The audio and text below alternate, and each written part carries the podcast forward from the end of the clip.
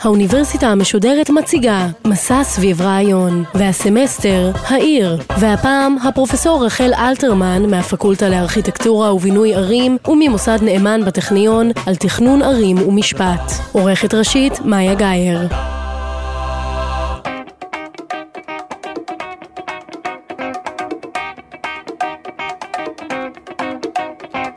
שלום כולם, שמי רחל אלתרמן, אני פרופסור בטכניון. במחלקה לתכנון ערים ואזורים שבפקולטה לארכיטקטורה. אבל תכנון ערים זה לא ארכיטקטורה, ואני מומחית למשהו שנשמע אולי קצת מוזר, תכנון ערים ומשפט. ואני רוצה לספר לכם על התחום הכל כך חשוב של משפט בתכנון עירוני.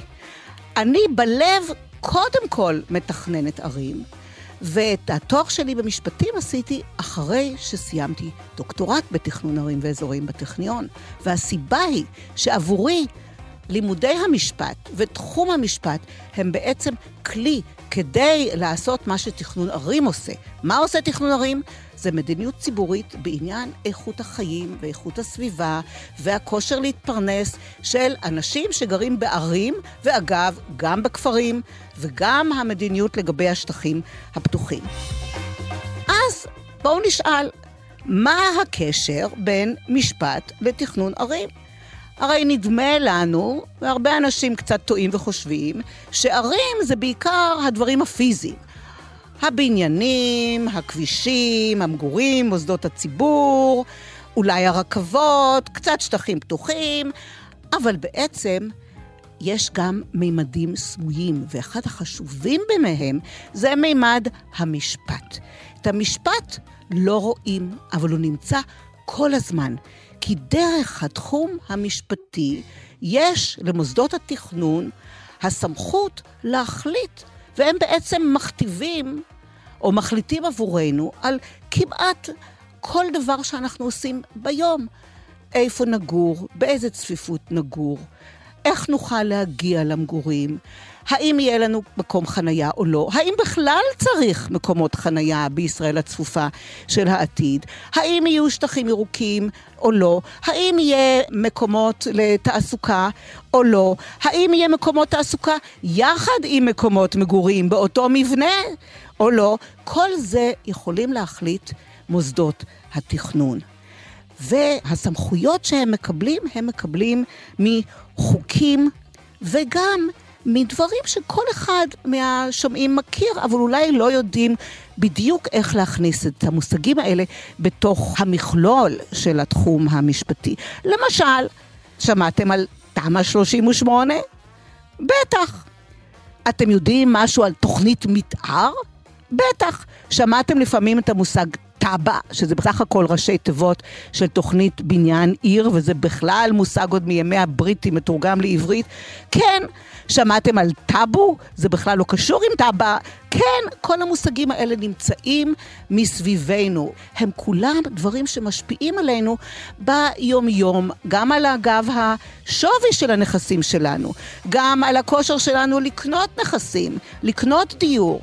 גם משבר הדיור עצמו נוצר בחלקו בגלל החלטות שקיבלו, וגם הרבה מאוד החלטות שלא קיבלו מוסדות התכנון, שהם עובדים על פי חוק. זאת אומרת, משבר הדיור לא נוצר רק בגלל יוקר, אלא בעיקר החלטות שלא נתקבלו לגבי האפשרות לבנות ומתי ואיך. אז אני רוצה קצת לספר על התחום הזה. בואו נקרא לו רואה ואינו נראה. תחום המשפט רואה אותנו, כי על ידי תחום המשפט עובדים מוסדות התכנון. הם מכינים את אותן תוכניות, תב"ע, תמ"א, כל מיני מילים כאלה, אבל הם לא נראים. אז קצת המחשה והשכלה על המושגים החשובים האלה, כדי להעצים את כולנו מול ההחלטות של מוסדות התכנון. בואו נעשה איזה הפסקה קלילה למוסיקה. כולנו מכירים שירים על ערים, על רחובות, אבל האם יש שירים על תוכניות מתאר? או על טאבה, או על תמה? אז האמת היא שמצאתי רק אחד, וזה שיר של נעמי שמר הגאונית. שיר נולד שיש שם גם תוכנית מתאר. הבה נשמע. עיר נולדה, הקשיבו, עיר נולדה, בלילה, עיר בלילה נולדה. ואולי משום שהיא נולדה, בן לילה אין לה תואר והדר. העיר הזו מלאה דפקטים, והיא סקנדל והיא אסון. עובדה שכל הארכיטקטים כתבו עליה בעיתון,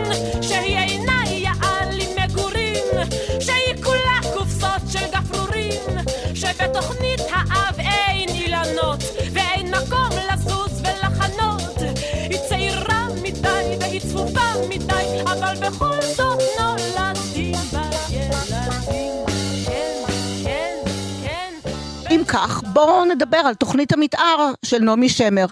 השיר אומר בתוכנית מתאר יש אילנות.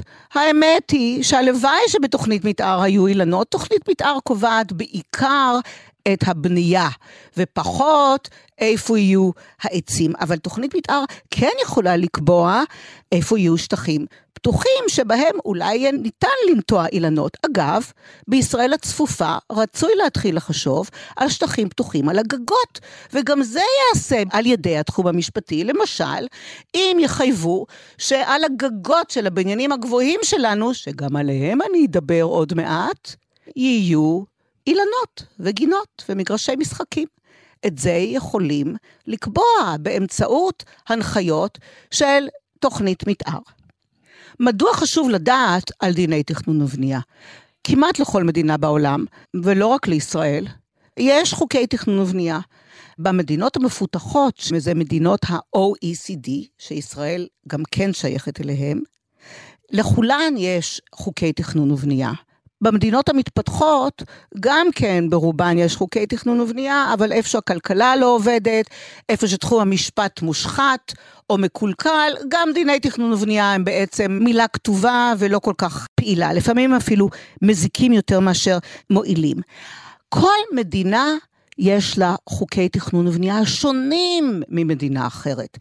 למי שמסתכלים מבחוץ, ונוסעים לארץ אחרת, זה נדמה דומה, יש אולי משהו שדומה לתוכנית מתאר, יש כמעט תמיד משהו שדומה להיתר בנייה, עוד מושג שכולם יודעים, אבל מי מחליט על התוכניות האלה? האם זה השלטון המקומי או השלטון המרכזי? באיזה אמצעים הם מחליטים?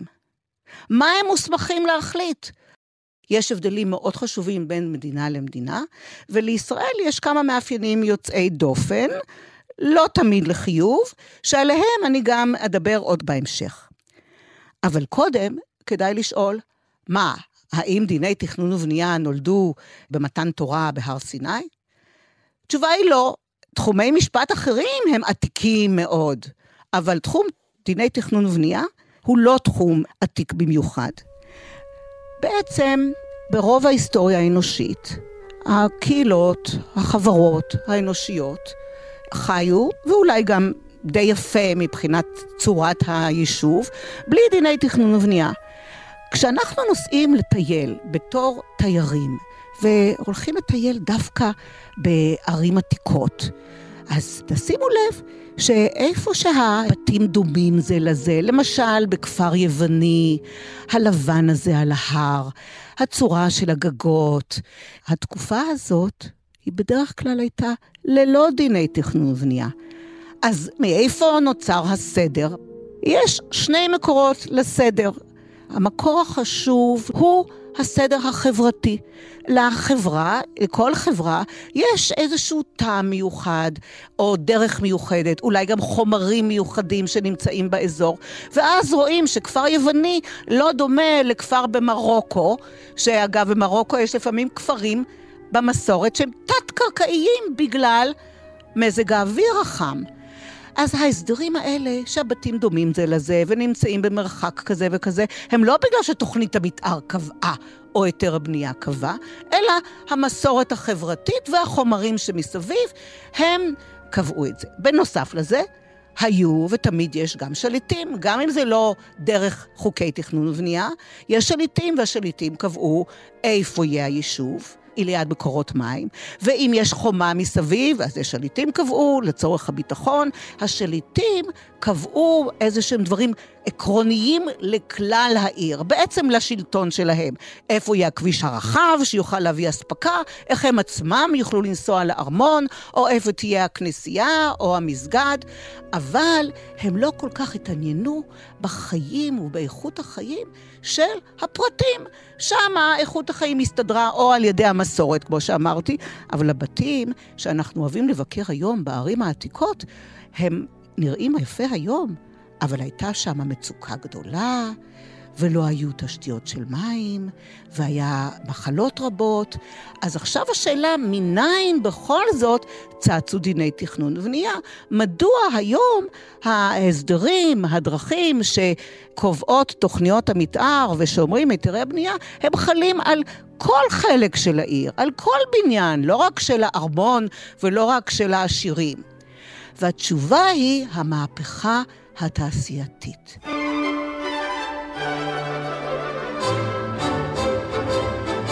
אז פתאום, בסוף המאה ה-18 ובארצות רבות במאה ה-19, חלק בארצות בראשית המאה ה-20, פתאום לא ניתן היה יותר להפריד בין השלטון לבין התושבים. למה? קודם יכול היה ארמון להיות מרוחק מהעובדים. הערים היו מעטות והעובדים היו בעיקר בחקלאות. אפשר היה להרחיק. אפשר היה לדאוג שהמלך ייסע על דרך אחת ואחרים יהיו באיזשהו מקום אחר. פתאום, במהפכה התעשייתית, לתוך הערים באים המוני אנשים. המוני אנשים, פירוש הדבר שצריכים להעביר אותם לתעסוקה, חייבים שהדרכים יגיעו עד התעסוקה, ומפחדים שיהיה להם מגפות. אם זה היה קודם בעל הקרקע הפאודלי והעובדים היו רחוקים, אז אם הייתה מחלה אפשר היה להשאיר אותם שם ולהישאר בתוך האחוזה. אבל עכשיו בעיר המחלות לא יודעות לא לעבור מאחד לאחד, כולם ביחד בצפיפות. וגם השריפות לא יודעות לא להגיע לבתי העשירים ובתי בעלי התעשיות.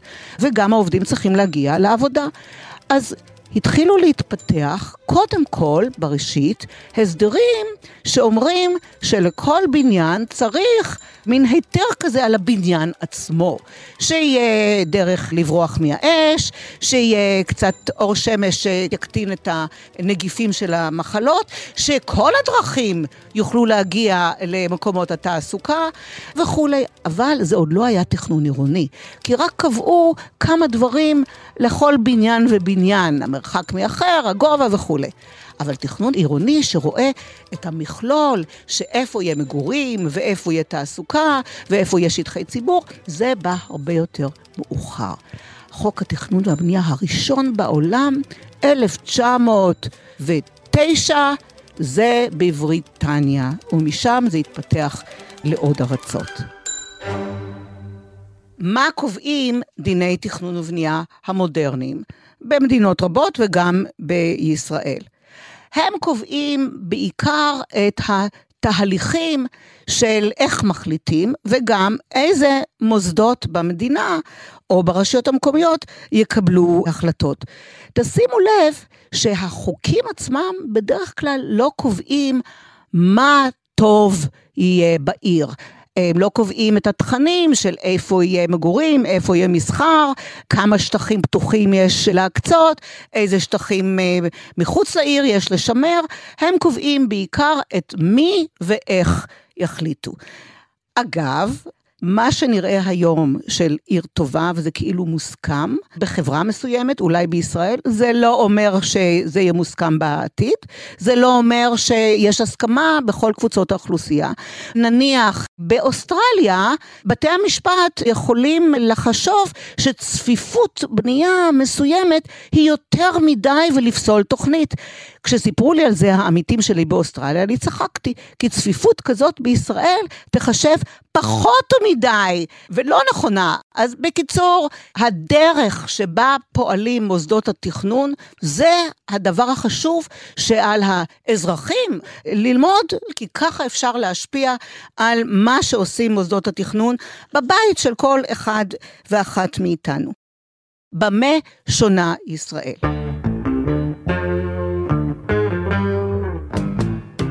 קודם כל, יש לנו מאפייני רקע.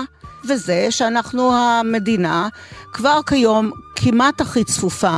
בין כל מדינות ה-OECD, זאת אומרת כמה תושבים גרים בכל קילומטר מרובע, ואנחנו הולכים להיות בהחלט הכי צפופים, משום שיש לנו שיעור הריבוי הטבעי הרבה יותר גבוה ממדינות אחרות. פי שתיים, ובחלק מהמדינות פי שלוש מאשר מדינות האחרות ב-OECD. אז איך מתמודדים עם הנושא הזה של הצפיפות? עכשיו נחזור למערכת התכנון והבנייה. מערכת התכנון והבנייה שלנו היא מאוד מאוד ריכוזית בהשוואה לכל מדינות ה-OECD. מה זאת אומרת ריכוזית? בואו ניקח דוגמה. נניח שרשות עיר מסוימת מעוניינת לשנות בתים ברחוב, ונגיד שזה פינוי-בינוי, ובמקום בתים בני שלוש-ארבע קומות, להתיר שם מגדלים. בסדר גמור, אלא שאותה החלטה של הנבחרים ברשות המקומית, זאת אומרת בוועדה המקומית לתכנון ובנייה, אותה החלטה צריכה לעבור אישור בעצם של ממשלת ישראל. מה כוונתי ממשלת ישראל? קוראים לזה ועדה מחוזית. ועדה מחוזית מורכבת בעיקר מנציגים של משרדי הממשלה בירושלים. אז תגידו, האם יש לאנשי המקצוע במשרדי הממשלה בירושלים איזשהו מבט יותר מעמיק על הפינה הזאת בעיר מסוימת? לא. מה שאני רוצה לומר, שיש הרבה מאוד החלטות ביומיום של עיר, של איפה יהיה בית ספר ואיפה יהיה גן ואיזה צפיפות תהיה, שאינן נוגעות למדיניות לאומית. ובכל זאת, אצלנו, בשונה מכל מדינות ה-OECD, רוב ההחלטות העירוניות צריכות אישור של ממשלת ישראל בדמות הוועדה המקומית. חלקן אפילו צריכות אישור של ממשלת ישראל בדמות המועצה הארצית לתכנון ובנייה. אני לא אומרת שלא צריך מועצה ארצית, אבל אין לנו בישראל מסורת שמבדילה בין נושאים מקומיים שהם עניין מקומי בלבד ונושאים מקומיים שהם כן עניין לאומי. אז גם הביזור הצנוע שנעשה בשנים האחרונות עם קצת יותר סמכויות, אני קוראת לזה פירורי סמכויות, שניתנו לרשויות המקומיות בתחום התכנון והבנייה, הם לא מספיקים. ובה בעת חקיקה חדשה שכולם מכירים בדרך עקיפה, נוגעת לבנייה המסיבית למגורים, מחיר למשתכן. חלק גדול מהבניינים האלה מתעשרים בכלל לא על ידי השלטון המקומי, אלא על ידי ועדה חדשה שהוקמה, שהיא רק ועדה ארצית, ובכלל אין גישה ישירה של השלטון המקומי או של הציבור הרחב המושפע בשלטון המקומי בעיר. אין גישה לאותה ועדה. קוראים לזה בראשי תיבות ותמ"ל, ועדה למתחמי מגורים לאומיים. כל מי שזכאי נרשם לפרויקט מחיר למשתכן ועדיין לא זכה בדירה, כ-45 אלף משפחות, יוכל להיכלל בהגרלת הענק שעליה הכריז שר האוצר היום. הגרלה שתיפתח במוצ"ש. חלק גדול מההגרלות הן על דירות באזורי הביקוש במרכז, בערים כמו מודיעין, הרצליה ונתניה. אבל אל תסתחררו מהקצב המהיר. עד היום זכו כעשרת אלפים משפחות, אבל בפועל אף דירה עדיין לא מוכנה. מי שיזכה בדירה בהגרלה הגדולה, יצטרך להמתין כמה שנים עד שיקבל אותה. בחלק מהפרויקטים אין עדיין היתר בנייה בכלל. לאחרונה שונה החוק ולוותמ"ל יהיו סמכויות גם על פינוי-בינוי בעיר מסוימת. אם מדובר בפינוי-בינוי בקנה מידה מספיק גדול של כמה מאות יחידות דיור, ההחלטה תעבור שוב ישירות לוותמ"ל. זאת אומרת, לא רק בנייה חדשה, כמו מחיר למשתכן שחלק גדול זה מחוץ לעיר, בשולי ערים ובמסה גדולה, אלא גם החלטות שנמצאות ממש בלב העיר שכולנו מכירים והולכים לקנות ברחובות, גם החלטות כאלה יעברו לא רק לוועדה המחוזית, כמו ברגיל, אלא ישירות למישור הארצי. אז תגידו לי, מה שרואים משם, רואים יותר טוב מאשר מלמטה? דברים שרואים משם, לא רואים אני רוצה קצת לנגוע בעצב גלוי. משום מה בחברה הישראלית ישנה תפיסה שהשלטון המקומי מושחת, וישנם דוברים ומקבלי החלטות ונבחרים שרואים בשלטון המקומי מין שרת של ההחלטות של השלטון המרכזי. זה נשמע כאילו הגיוני, אבל אני רוצה כאן להגיד שני דברים. אחד, כל מה שאנחנו יודעים בידע הבינלאומי על תכנון עירוני, זה שתכנון עירוני טוב כשהוא מתרחש מלמטה. מלמטה פירושו קודם כל במישור המקומי על ידי מקבלי ההחלטות, או אנשי המקצוע, ושתיים, עם מעורבות מאוד חזקה של הציבור שמושפע. כל זה טוב כשהתכנון הוא בא מלמטה. זה תכנון דמוקרטי, והתפיסה הזאת היא מקובלת ואמיתית. ורוב מדינות ה-OECD עשו וממשיכים לעשות מהלכים של ביזור, שהעברת עוד ועוד סמכויות לשלטון המקומי. אצלנו זה הפוך. תגידו, האם זה קשור בגלל הצפיפות שלנו? לא. גם כשהיינו לא צפופים הייתה תפיסה כזאת, וגם כשאנחנו צפופים התפיסה הזאת. הייתי אומרת להפך, הצפיפות אומרת שאנחנו חיים עוד יותר קרוב זה לזו, וכל החלטה הכי קטנה על כל סנטימטר בעיר משפיעה על אחרים, ועל כן להפך, צריך יותר ביזור. עכשיו תגידו, מה עם השחיתות?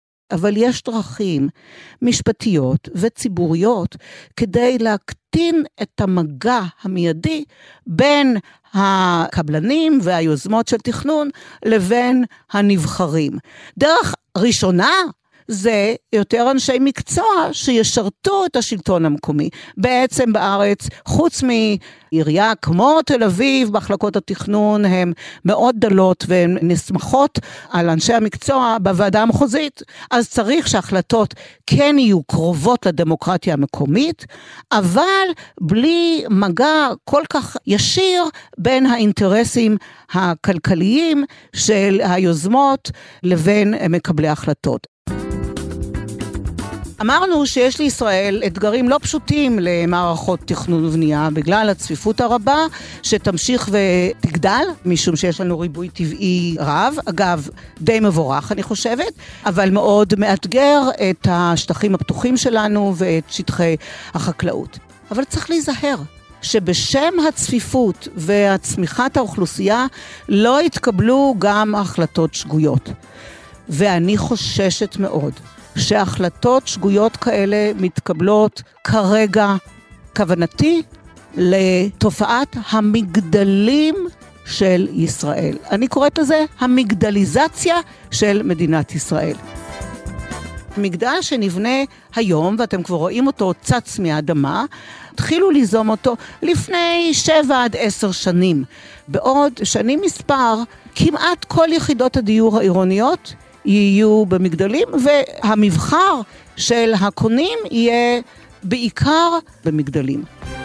איך תראה תל אביב, העיר שלא מפסיקה להשתנות, בעוד עשר שנים? עוד מגדלים ומחירים גבוהים יותר. המגדלים עצמם הולכים וגובהים, חלק גדול מהם הם כבר 20, 30 ו-40 קומות למגורים. אז תגידו, נו, מה היא רוצה? הרי צריך לשמור על הקרקע, צריך לשמור על שטחים פתוחים. נכון, אבל מגדלים זו לא האופציה היחידה, ולצערי, האופציות האחרות לא כל כך נבדקות. אז מה הבעיה במגדלים? זה היום כל כך פופולרי, מה, לקנות דירה במגדל, קוראים לזה מגדל, כבר לא קוראים לזה רב קומות, וגם אומרים לנו שיהיה חדר כושר למטה. נפלא. הבעיה היא שאין שום מדינה בכל העולם המפותח, שבה רוב התושבים העירוניים גרים במגדלים שהם בתים משותפים. אלה מגדלים שכמעט כל האוכלוסייה תגור בהם. הערך של הדירה שאתם קונים במגדל, אם אתם לא קונים מגדל שהוא של המאיון העליון, בלב של אזור ביקוש, או על יד הים, אם זה לא מגדלים כאלה, הצפי שלי הוא שערך הדירה שלכם ירד יותר מהר מאשר דירה מקבילה בבניין נמוך. התחזוקה של מגדל היא הרבה יותר גבוהה מאשר אומרים לכם, כי לא מגלים את ההשקעות שיצטרכו בעוד 5, 10, 15 ו-20 שנה, שהן לא ממומנות, וזה השקעות גדולות, כי מגדל זה בעצם מכונה מאוד מורכבת. בנוסף לכך, את המגדלים לעולם לא יוכלו לעשות להם פינוי-בינוי, כי אי אפשר לתת עוד זכויות בנייה על הראש של המגדל. אז אנחנו נמצאים במצב שהוא אתגר קשה מאוד לערי ישראל בעתיד. עוד היבט זה שמגדלים לא עושים רחוב כל כך נחמד. יש עוד חלופות בינוי. הצרה היא שמוסדות התכנון, אותם אלה שפועלים באמצעות הסמכויות של חוק התכנון והבנייה, הם מעודדים את המגדלים האלה. אילו הייתה מודעות יותר גדולה של תושבי מדינת ישראל על ההיבט המשפטי שעליו אנחנו מדברים, מי מקבל החלטות, איזה החלטות הם מקבלים, איך הציבור יכול להשפיע על המוסדות שפועלים בשם חוק התכנון והבנייה, אז יכלה להיות מעורבות שתדע קצת יותר על מה שצפוי. איך יכולים להשפיע. בישראל יש חובה למוסדות התכנון להודיע על שינוי שהם עושים בתוכניות, זאת אומרת במה שמותר יהיה לבנות בעתיד, או אולי מה שחייבים יהיה לשבור כשטחים פתוחים. או כבניינים היסטוריים. אז יש מה לשפר עוד הרבה בנושא המידע. אגב, שיפור שנעשה לא כל כך מזמן, בחצי הדור האחרון, זה שחייבים לתלות אה, הודעות. שימו לב להודעות האלה על האתר. זה לא תמיד היה, זה גם לא מספיק, אבל זה משהו חלקי. אז אנחנו, אתם, המאזינים, הנושאים בידיכם, הנושאים בידינו בהתארגנות, בידיעה שחשוב לדעת דיני תכנון ובנייה, מי מחליט, איך מחליטים, מתי מחליטים ומה מחליטים. חשוב לחנך את הילדים שלנו, אזרחות טובה, הסיכויים שיהיה לנו בחיינו, לכל אחת ואחד מילדינו, עניין במה שקורה בסביבה, הסיכוי הזה הוא מאוד רב, כמעט לא ניתן לחיות באזור מבלי שיהיה לנו עניין או נכס אישי שלנו, או רצון לעודד בינוי, או רצון למנוע בינוי. כל זה אה, חל פעמים רבות בחיי אדם, הרבה יותר אגב, מאשר הסיכויים שנגיע לבית משפט לאיזושהי תביעה. אז דווקא בנושא הזה חשוב מאוד להכניס לתוכניות הלימודים הכרה של השלטון המקומי, הכרה של דיני תכנון ובנייה, הכרה של הנושאים התקציביים שרק רמזתי עליהם. ועכשיו לסיכום. אמרתי שהתחום המשפטי של תכנון ובנייה, של תכנון עירוני, הוא רואה ואיננו נראה. גם לתושבים ולאזרחים יש תפקיד. תפקידנו לאזן את החלטות התכנון. תפקידנו להשפיע על החלטות התכנון וללמוד לעשות את זה בדרכים שמכתיב החוק, וגם לדרוש מבית המחוקקים וממוסדות התכנון לשמוע את דעת הקהל הרבה יותר טוב. כך צריך העצמה של ידע, לא רק על העיר הבנויה, אלא על אותה שכבה משפטית של הרואה שאינו נראה. לא מספיק שמוסדות התכנון יראו אותנו, חשוב מאוד שאנחנו נראה את מה שמתרחש בתוך קבלת ההחלטות ונדע לתת את הקול שלנו כתשומה מראש לקבלת ההחלטות במוסדות התכנון. Ba-da-ba-ba-ba